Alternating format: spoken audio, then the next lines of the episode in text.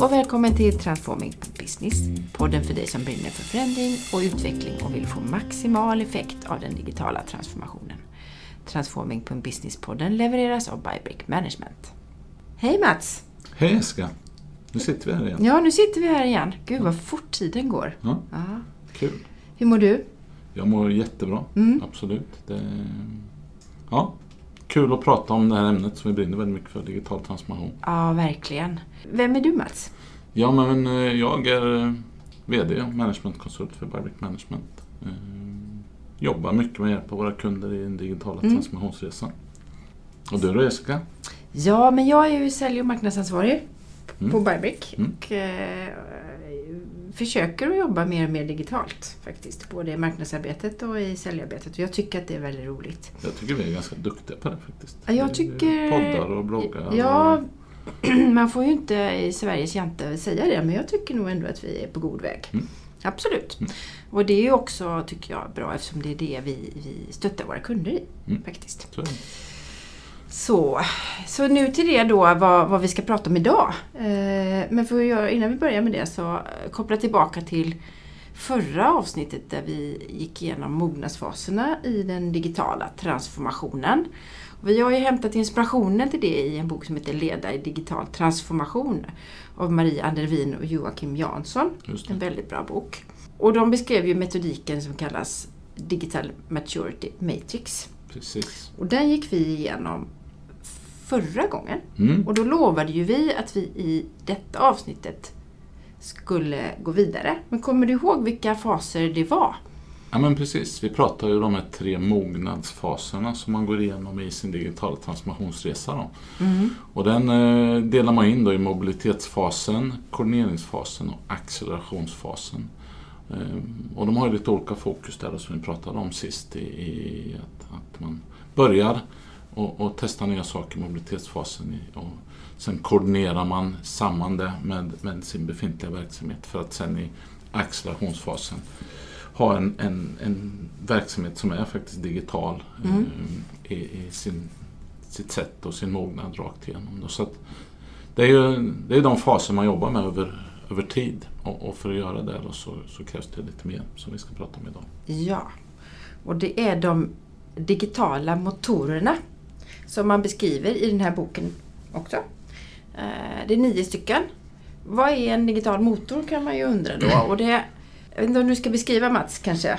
Ja, det är ju spännande namn, digital motor. Men vad det handlar om egentligen, det är, nio olika verksamhetsområden som man måste jobba med då, och fokusera på för att lyckas med den här mognadsresan. Ehm, Var och en viktig, Eh, i, lite grann i olika faser, eh, men, men i sin helhet och viktigt att man jobbar med alla de här nio områdena på olika sätt för att, för att lyckas eh, och få, få det att hänga ihop på ett bra sätt. Och de kommer in lite olika. Några är viktiga i mobiliseringsfasen, några i nästa fas och, och sist i accelerationsfasen så kommer man mer in, tänker jag, på Ja, kundinteraktion. Alltså, just det, det.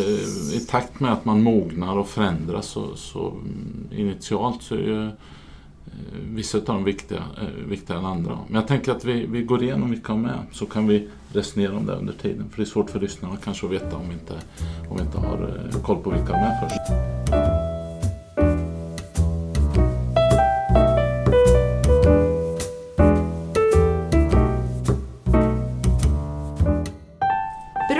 Vi börja från början då? Det var nio stycken sa vi och vi behöver inte rabbla upp dem utan vi går igenom dem. Eh, lite kort om vad de innebär och i vilken fas de är viktigast. Mm. Eh, den första, värderingar, vision och mission. Mm, Det, det låter ju som något som alla företag har. Det är det ju. Att- Eh, Det är traditionellt på många sätt. Här eh, är det ju så att när man startar initialt sin digitala transformationsresa så är det viktigt att man har en, en digital vision som är tydlig en mission. Varför ska vi göra det? Varför ska vi göra den här transformationen? Mm. Eh, Och som i alla förändringsarbeten så är det här A och O för om man ska lyckas med sin förändring. För det här är en förändringsresa mm, som på många andra sätt. Och initialt så behöver vi ha en tydlighet i varför vill vi göra den här satsningen? Varför vill vi gå mot en mer digital verksamhet så att alla förstår vår målbild och vart vi är på väg. Eh, sen över tiden, vart efter vi mognar eh, och vi kommer in i koordinationsfasen eh, så blir det kanske så att vi förändrar vår, vår vision och mission från att vara någonting som är digitalt till att faktiskt bli verksamhetens totala, företaget eller verksamhetens totala vision och mission. De Så vävs ihop. Vävs ihop. Såklart. Precis, ja, eh, på det sättet. Värderingar är ju en grundplattform i alla verksamheter. Hur vill vi uppfattas? Hur vill vi vara? Hur vill vi verka? Och de är ju egentligen inte på något sätt specifika för, för den digitala transformationen. De är viktiga att ha med sig i det här arbetet, den här resan och förstå och veta vad är, vad är whyet för vår verksamhet och vad är viktigt i värderingar. För det här är någonting som, som blir viktigare och viktigare. Ja, Jag tänker att när att whyet måste vara förankrat när man ändrar det hur man gör saker. Precis, Så är det ännu viktigare Mm. att det verkligen sitter. verkligen. Och att folk förstår vart ska vi? Mm. Så man delar målbild. Så är det. Så det var den första Det är det första. eh, motorn då. Värderingar, vision och mission. Sen har vi ytterligare en som känns ganska bekant för många gissar jag. Och det är en motor som vi kallar för strategiarbete. Mm. Precis, och det är ju Det- precis som det låter. Hur vi jobbar strategiskt för att nå våra mål och hur vi också följer upp och dokumenterar och faktiskt mäter att vi åstadkommer de saker vi vill åstadkomma. Eh, Jätteviktigt. Kan vi inte mäta kan vi inte eh, styra och kan vi inte styra så kan vi inte eh, förändra. Så det här är ju precis som i alla förändringsarbeten och i alla verksamheter så är det viktigt att ha ett strategiarbete. Och att det naturligtvis är kopplat till digitalisering och vad det nu innebär. Är det här man sätter upp sina digitala styrtal? Och kopior Precis. att följa upp? Ja. Mm. Så är det. Och de, eh, de kan ju se ut på lite olika sätt och koppla eh, väldigt mycket till de andra motorerna då på, det. på vad det är vi ska jobba med. Och då kommer vi in på den tredje. Ja, och den är ju väldigt viktig. Det är ju organisationen. Mm. Ehm, Och här är det ju initialt väldigt mycket en mognadsfråga när det gäller kompetens och att få eh, verksamheten att förstå och den kultur att förstå hur vi ska lyckas, vad vi behöver kunna eh, i vår verksamhet för att, att eh, organisera oss på rätt sätt. På det sättet. Det kanske inte handlar så jättemycket om att göra om organisationen utan faktiskt förstå styrkorna i vår organisation och kanske svagheterna och vad vi behöver stärka upp med digital kompetens och på olika sätt. Ja, men framförallt också som du säger med företagskulturen är viktig. Att den är förändringsbenägen Mm. i organisationen. Mm. Och att om man nu tittar uppifrån med visionen och så vidare, att du får med dig organisationen på resan. Mm. För annars så jobbar du ju i motvind. Och Då får du inte den här effekten. Så organisationen måste ju vara en av de viktigaste, tänker jag. Mm. Att, att man har en förändringsbenägen organisation. Mm. Och att man faktiskt jobbar på det. Mm. Jag kan tänka att det är många som skissar och tittar på verktyg och så, så bommar man på den här. Ja men så är det ju. Och, och vi vet ju själva att förändring är ju jättebra så länge det inte berör mig. Nej, Många som tycker det är jobbigt med förändring och, och det kopplar tillbaka till vision och, och mission och strategi. Förstår vi inte vart vi ska då är det ju oerhört svårt att motivera Ja. våra medarbetare och organisationen till förändring. Så att alla de här delarna hänger ihop på ett, på ett väldigt tydligt sätt och, och är en, en viktig del av hur vi leder och styr verksamheten. Eh, här kommer vi ju in i många företag och träffar många ledningsgrupper som har stött på patrull Mm. I de här, Mm. i Och kanske inte bitarna. förstår eh, heller alla de här utmaningarna. Jag tror många känner utmaningar med sin organisation men man kanske inte förstår möjligheterna man har med, med att vara tydlig kring vision och målbild. Och det är ofta det som, som kanske inte är tydligt. Ja, sen har vi en som jag verkligen brinner för. Eh, och det är ju processer. Mm. Jag vill ha processer för motorn. allt. Den fjärde motorn. Eh, och den sträcker sig eh, en bit in va? Den, eh, många av de här gör ju det. De är liksom Ja, de, viktiga i mobiliseringsfasen men är också med en bra bit in i att du jobbar ju med alla de här hela vägen igenom mognadsresan. Men, men processer är ju någonting som går att eh, effektivisera och digitalisera väldigt mycket. Och det gäller ju att förstå det. Då. Hur kan vi skapa processer som, som stödjer det som vi faktiskt ska leverera, vårt värde. Processorientering har vi hållit på med i, i många, många år, länge, väldigt länge. Men nu finns ju helt nya digitala möjligheter också att kunna automatisera och skapa flöden som, som, som är helt digitala och som ju underlättar något enormt eh, på det sättet då, istället för att kanske göra som man har gjort tidigare, manuellt eller pappersbaserat och så vidare. Så här, det är väldigt mycket en möjliggörare tycker jag för, för den digitala transformationen. Just det, och förklara. Alltså, processerna är ju hur egentligen då. Mm. Om man ska titta på värderingarna och visionen så är det varför och vart. Precis. Och här kommer man ner på huret. Ja. Och det här måste ju vara någonting som är levande över tid. Eftersom man kommer längre och längre eh, i digitaliseringsarbetet. Så att man utvecklar, det här borde ju vara lite lean och ständiga förbättringar i den här. Absolut. Eh. Nej, men så är det. Det är en, eh, ett jättebra exempel på hur man kan jobba med ständig förbättring och utveckling av det här också. Då. Och sen är det också så att, att det blir mer och mer agilt, går fortare och fortare. Så att vi, vi det handlar idag, varken när vi pratar strategi eller processer och, och sånt, så mycket att ha de här femårsplanerna för hur saker och ting ska se ut på ett statiskt sätt. Utan vi måste hela tiden jobba med små förbättringar, justeringar, se över eh, vad vi kan förändra, vilka nya digitala möjligheter som dyker upp och så vidare. Så att, absolut. Och för att göra det så krävs det att vi har den femte motorn på plats också som handlar om infrastruktur. Ja, infrastruktur ja. Vad är det? Det är motorvägarna i bolaget? Ja, men det är det. Absolut. Det är ju den teknik som finns på plats för att informationen ska kunna flöda igenom och stödja de processer som, som finns. Så att, eh, och det här är ju många som sitter med utmaningar i gammal, som man kallar legacy, det vill säga eh, vi har gamla IT-system som vi har haft med länge och så vidare. Och, som kanske och inte många lika... system framförallt träffar vi ju företag ja. och kunder som ja. har. Väldigt komplext. Och man har inte riktigt alltid koll på integrationer mellan de här systemen. Man Nej. har gjort många kopplingar och de pratar ja. med varandra. Och... Är det många som behöver byta ut sin eh, systempark för att komma vidare framåt? Det finns ju Ja, det gör, det gör det säkert. Det finns ju många olika sätt också i det här att eh, det kanske inte går att byta ut allting eh, och börja från ett vitt papper, vilket många gånger kan vara önskvärt. Men det är också, eh, det finns ju modern digital teknik idag för att integrera på ett mycket bättre sätt så man faktiskt kan låta den gamla, gamla system leva vidare om de behövs och samtidigt kunna på ett bättre sätt integrera med, med modern teknik ja. och därmed stödja eh, processer och flöden på olika sätt.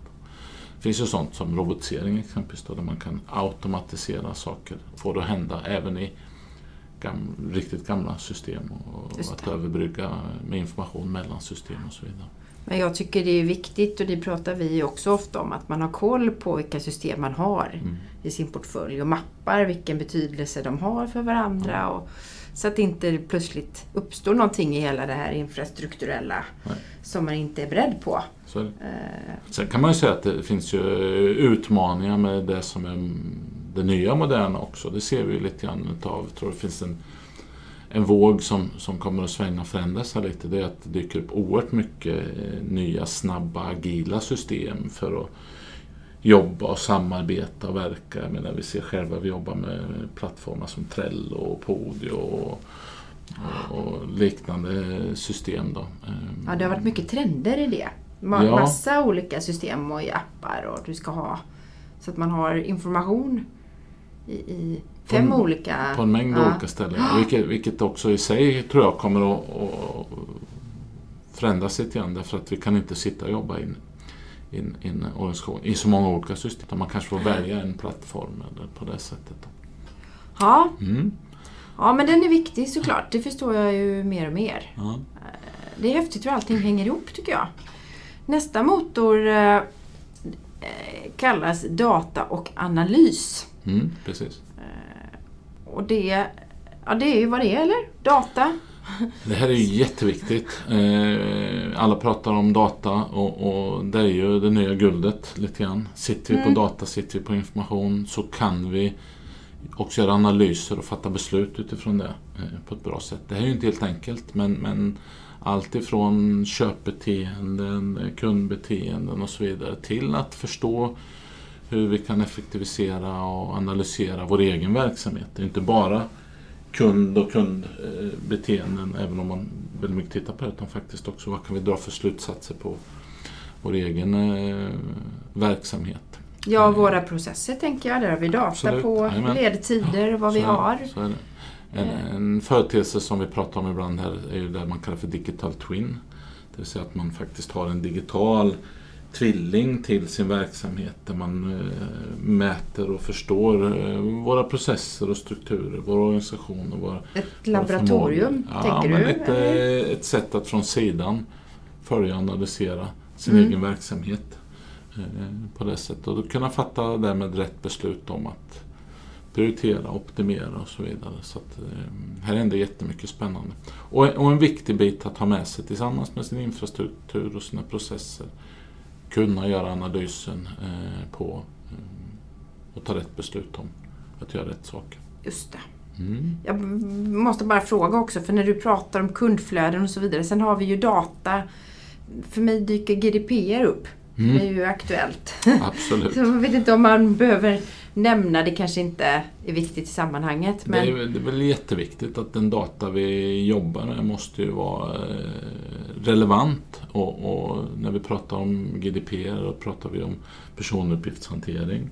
Det vill säga att vi, har ett, eh, kommer ha ett mycket tydligare regelverk för vad vi får ha, samla in och spara kopplat till individer och personer. Så att det är jätteviktigt att vi att man jobbar med det och att ha det med sig i hela sin organisation också. Sen ska man ju inte vara rädd för att, att använda data och kunna nyttja det. Men eh, vi måste ha respekt för det som är personuppgifter och individens eh, det ställer krav både på infrastrukturmotorn och på processmotorn, tänker jag. Mm, det gör- Såklart.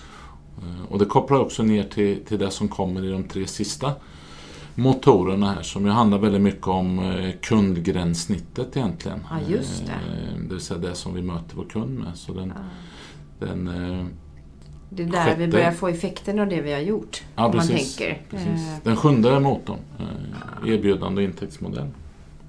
Vad tänker du kring den? Nej, men jag tänker att en affärsmodell, vi ser ju att många företag går ifrån att ha sålt en produkt till att faktiskt sälja en tjänst Mm. och tjänstifiera sin produkt. Mm. Om man tänker kaffe till exempel som paket tjänstifieras genom att du brygger en kopp kaffe och säljer den. Mm. Och så kan du ta mer betalt och Mm. att det är en trend som kommer. Eh, det vi ser. Eh, så tänker jag. Mm. Eh, man kan hitta andra målgrupper runt om Mm. i världen. Och, ja, vi ser andra... Det blir också transparent på ett helt annat sätt. Så är det. Och erbjudandet och vår intäktsmodell det är ju det vi erbjuder, precis som du är inne på. Och intäktsmodellen är ju vad vi tjänar pengar. Och det här är något som, som man har med sig också i den här resan och jobbar med. Naturligtvis. För många produktorienterade organisationer handlar det här om tjänstifiering Mm. väldigt mycket. Och det får ju en påverkan också på både leverans och på vilket sätt vi, vi bygger vår verksamhet och processer. Och så att, eh, jätteviktig eh, och spännande. Eh, jag tror att vi, vi kommer att se i många organisationer helt nya modeller dyka upp. Ja, det känns lite som att det kokar, att det är många som är på gång och Mm. diskuterar det här. Men man har inte riktigt kommit ur startfållan. Jag tror att detta är kommande. Om man nu, nu ska vi inte prata fem år framåt, men under de närmaste fem åren kommer vi se en väldigt stor skillnad i hur vi, hur vi handlar. Mm. Så, Eh, Så. Och här har vi också, man tittar på traditionell handel som vi pratade om förut i, förhåll- eller i förra avsnittet kopplat till, till digital, att man handlar på, på nätet. mm. Så ser vi ju hur den kurvan hela tiden går upp. Mm. Och jag tror jag läste någon siffra om att 80% av de man har tillfrågat i en undersökning hade gjort sitt sista inköp av, av eh, inte av mat kanske, men av kläder och, och, och elektronik och så vidare via nätet. Mm. Så att det blir ju en stor förändring. Så vilket också Så. påverkar erbjudandet såklart. Så den jobbar man med i, i sin eh, digitala mognadsresa. Eh, två stycken motorer kvar. Eh, Ja. Och de handlar ju också om kunder. De handlar om kontaktytor.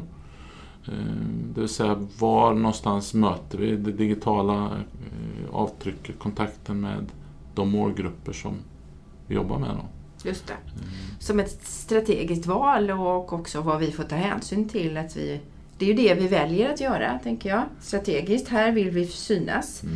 Men idag eh, med digitaliseringen så måste vi också betänka eh, alla sidor eller all, allt som skrivs om oss som inte är det vi själva vill Mm. och information som finns. Jag Eller- tänker i hotellindustrin till exempel där Tripadvisor har fått en otroligt stor påverkan på vilka hotell som faktiskt får besökare.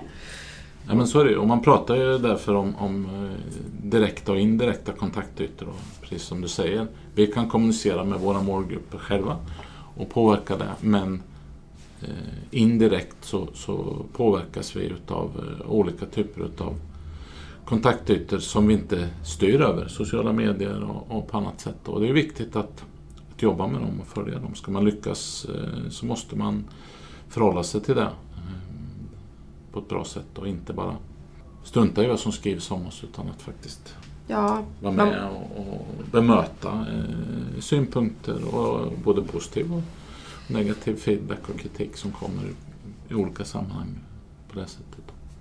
Ja, jag tänker att det tar oss nästan till nästa eh, motor som är relationer. För i kontaktytorna gör ju det gör så viktigt att vi har nöjda kunder. Mm. Det är det jag vill säga. Mm. Har vi inte nöjda kunder så sprider det sig på ett sätt som inte fanns för tio år sedan. Mm. Då fick man köra och diskutera det här eller gå till, till, till press. Men här kan det ju spridas ganska snabbt. Mm. eh, De här virala Så är det. så eh, det är väldigt viktigt och därför så är sista motorn relationer. Det vill säga hur vi interagerar, med våra målgrupper. Extremt viktigt att vi vet vilka de är och håller dem Mm. nära oss Mm. och mäter hur de, är hur de mår. här, pratar man ju ofta begreppet omnichannel. Ja. Eh, multikanal kanske. Multikanal. Ja. Eh, hur viktigt det är att, att kunna möta sina målgrupper i alla kanaler och ut med samtidigt nästan. Att man kan som kund eller köpare växla kanal från e-handel till sociala medier och annat. Och vi vill helst någonstans kunna följa med kunden i relationsresan hela vägen. Ja, det, man pratar om den sömlösa upplevelsen. Du ska inte märka några sömmar mellan en butik och e-handel Mm. eller en kundservice. Mm. Du ska kunna följa ärendet hela vägen. Mm. Det är ju egentligen, här är väldigt mycket kundstyrt. Mm. Vi går mer och mer till kundstyrt samhälle. Så. Där kundernas önskemål och krav blir viktigare. Mm. Så om vi summerar lite då. de Ja, här nio, var, det, var det nio motorer nu Mm. har vi gått igenom? Ja. Ska vi repetera dem bara för eh, lyssnarna här så vi vet vilka de är då? Vi, ja, vi kan väl... Precis, den första där som är varför och vart egentligen, den första fasen. Mm. Det är ju värderingar, vision och mission. Mm. Eh, Som är superviktig för eh, en övergripande... Liksom, vart vill vi? Så. När vi kommer till huret sen så pratar vi om att vi behöver jobba med strategiarbete, vår organisation, våra processer, infrastruktur och vi behöver ha koll på vår data och analys. Eh, väldigt viktigt för att förstå hur vi gör och hur vi gör det på bästa sätt och på ett optimalt sätt. Exakt. Och sen kommer vi till vadet då. Och det är ju vår affärsmodell, vårt erbjudande och vår intäktsmodell. Det är där vi ser den här förändringen, som Mm. vi sa, från produktrelaterat till mer tjänst, Mm. tjänsterelaterat och mer skräddarsytt också, Mm. individuellt för varje kund. Mm. Sen har vi kontaktytorna, det vill säga var vi möter kunden. Mm. Dels det vi vill och sen eh, det vi kanske inte vill, Mm. men som ändå finns. Mm. Och att man ha med det. Mm. Och sen har vi relationerna. Just det. Superviktigt Mm. att ha med. Men om man då tänker att man, eh, man har med allt det här. Vad, hur långt har företag, om vi tittar i Sverige, eh, vi gräver där vi står. Hur, hur långt har man kommit i det här? Mm. Det är intressant att ta upp det för att ehm, Vi har ju faktiskt själva gjort en, en eh, undersökning kring det. Ja, men det har vi ju. Eh, En enkätundersökning där vi har gått ut och frågat våra kunder och kontakter hur långt man har kommit då, eh, i det här. Eh, Så jag tänkte det blir en bra cliffhanger till nästa Ja. poddavsnitt. Ja, absolut. Vi har ju faktiskt de här två första poddarna gått igenom vår mognadsfaser. Jag nu den här pratat om digitala motorerna, nio olika. Just det. Så låt oss eh, i nästa podd gå igenom resultatet och, och se vilka slutsatser vi kan dra av det och summera ihop säcken. Det tycker jag låter jättebra, för då tar vi lite temperaturen i nästa avsnitt på hur det ser ut, kopplat till de här motorerna. Mm. Absolut. Men eh, då tackar vi för nu och så hörs vi snart. Ja. ja, men tack för idag. Ja. Mm.